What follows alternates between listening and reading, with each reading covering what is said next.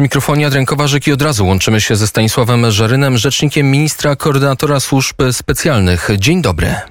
Dzień dobry panu i dzień dobry państwu. Dziś koncern Meta, e, czyli właściciel portalu Facebook, opublikował kwartalny raport, z którego wynika, firma informuje, że wykryła działalność podmiotów powiązanych z rządami Rosji i Białorusi.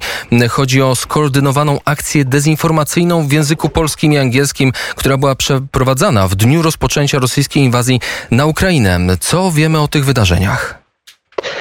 Nie chciałbym się wprost odnosić do tego raportu. To jest raport podmiotu komercyjnego, prywatnego. Każdy może go sobie przeczytać.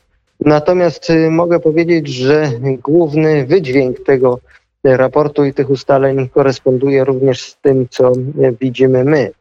To znaczy zdecydowanie obserwowane były przy okazji jesiennego kryzysu na granicy polsko-białoruskiej różnego rodzaju działania, które stymulowały czy podkręcały debatę publiczną w Polsce. Te działania były związane i z próbą wywarcia presji na rząd RP, żeby się zgodził na szlak nielegalnej migracji zarządzany przez służby białoruskie, ale również była to działalność, która miała po prostu polaryzować i radykalizować poglądy audiencji y, publiki, która obserwowała to, z czym się mierzyliśmy.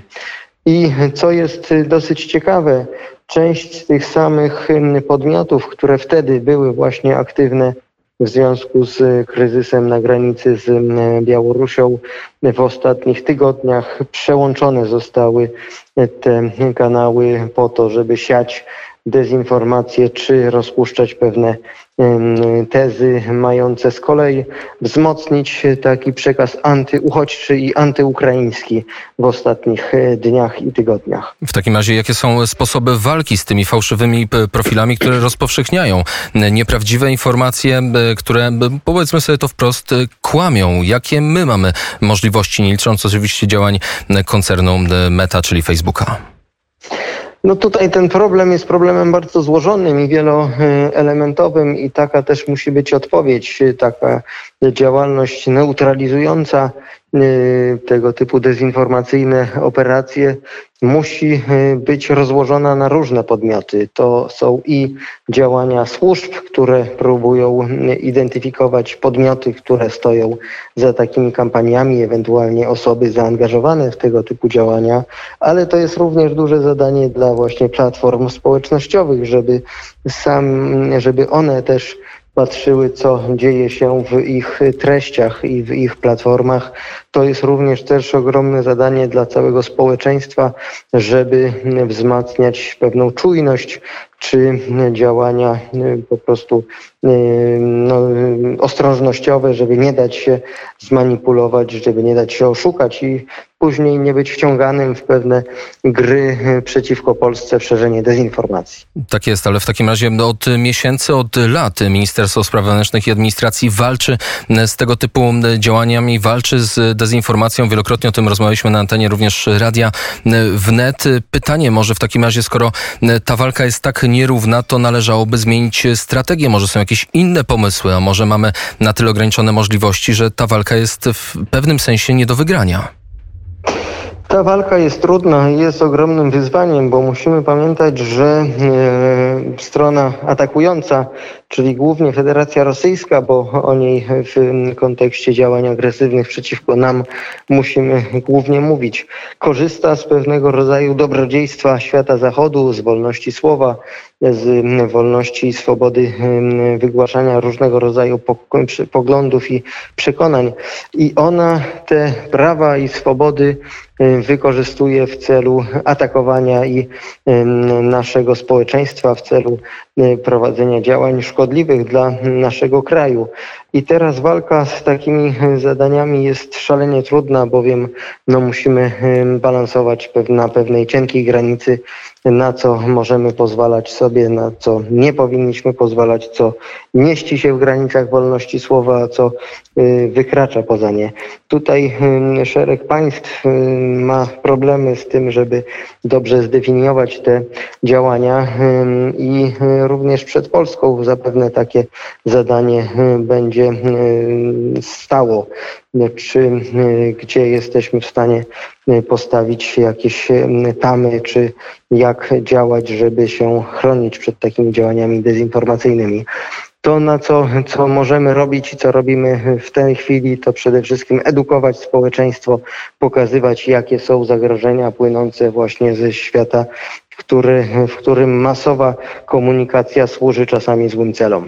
To działania w sieci, a teraz przenieśmy się trochę do świata realnego. Przed godziną padła informacja, Moskwa zdecydowała o wydaleniu z Rosji 45 polskich dyplomatów. Informację potwierdza informacyjna agencja radiowa. Co pan na to? Mm, nie znam jeszcze tej informacji, nie, nie, widziałem jej. Jeżeli mm, rzeczywiście doszło do takiego zdarzenia, no to przede wszystkim mm, rolą MSZ-u jest komentowanie czegoś takiego, takich decyzji.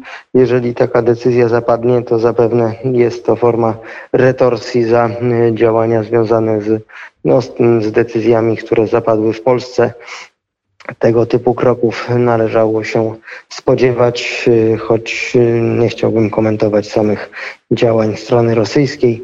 Rosja pozostaje państwem agresywnym i y, w tej chwili nie widać żadnej dobrej woli ze strony Rosji, ani tym bardziej woli wycofania się z polityki imperialnej, która dotyka kolejne kraje. Mm, to wracając do mm, tego wydalenia mm, z Polski rosyjskich dyplomatów, y, przecież były ku temu konkretne powody udowodnione i to już jest y, w, w ramach Ministerstwa Spraw Wewnętrznych i Administracji, bo chodziło po prostu o działalność szkodliwą y, na rzecz, na rzecz narodu, szkodliwość w Polsce na rzecz Rosji. Co dalej ta, jest? Ta sprawa, którą my prezentujemy od początku nie jako działania związane z aktywnością dyplomatyczną, ale działania, które wprost dotykały służb specjalnych Federacji Rosyjskiej. Przypomnę, że te wydalenia z ostatnich tygodni były prowadzone na wniosek szefa ABW, który zidentyfikował 45 osób prowadzących działania wywiadowcze na naszym terenie, prowadzących działania y, na, w ramach służb specjalnych Federacji Rosyjskiej. Te 45 nazwisk to osoby, które skrywały się za statusem dyplomatycznym w Polsce, ale z dyplomacją miały niewiele wspólnego. One prowadziły operacje wywiadowcze przeciwko Polsce i dlatego zdecydował się szef ABW, by tych osób pozbyć się z Polski, wnioskować o to. To był taki silny y, cios w struktury y, służb specjalnych rosyjskich funkcjonujące w Polsce, bowiem y, ten, ta grupa 45 osób, które zostały z Polski wydalone, to osoby, które prowadziły realne działania wywiadowcze na terenie Polski. To w takim razie jeszcze ostatnie krótkie pytanie. Oprócz wydalenia, czy coś te osoby, czy coś grozi tym osobom? Czy to zostały wydalone i tak zamykamy ten temat? Te osoby zostały wydalone, one korzystały ze statusu dyplomatycznego, więc były chronione na terenie Polski. Wydalenie y, takich dyplomatów, y, osób udających dyplomatów, to jest sankcja, którą mogliśmy zastosować. Y, trudno tutaj mówić o jakichś innych działaniach wobec tych konkretnych osób. Natomiast oczywiście polski kontrwywiad pracuje i należy się spodziewać, że w najbliższych dniach czy, czy tygodniach ta praca będzie dużo bardziej potrzebna i dużo bardziej istotna dla naszego państwa, bowiem widzimy wyraźnie, że strona rosyjska czy białoruska jest stroną dużo bardziej aktywną w ostatnich tygodniach, co jest bezpośrednio związane z okolicznościami prowadzenia wojny przeciwko Ukrainie. Polska jako bezpośrednie zaplecze y, dla y, dla, dla pomocy dla uchodźcom, dla wsparcia dla y, Ukrainy jest naturalnym miejscem, gdzie służby białoruskie i rosyjskie będą próbowały pozyskiwać wiadomości. Powiedział rzecznik ministra koordynatora służb specjalnych Stanisław Żaryn. Dziękuję bardzo za rozmowę. Dziękuję bardzo. I do usłyszenia.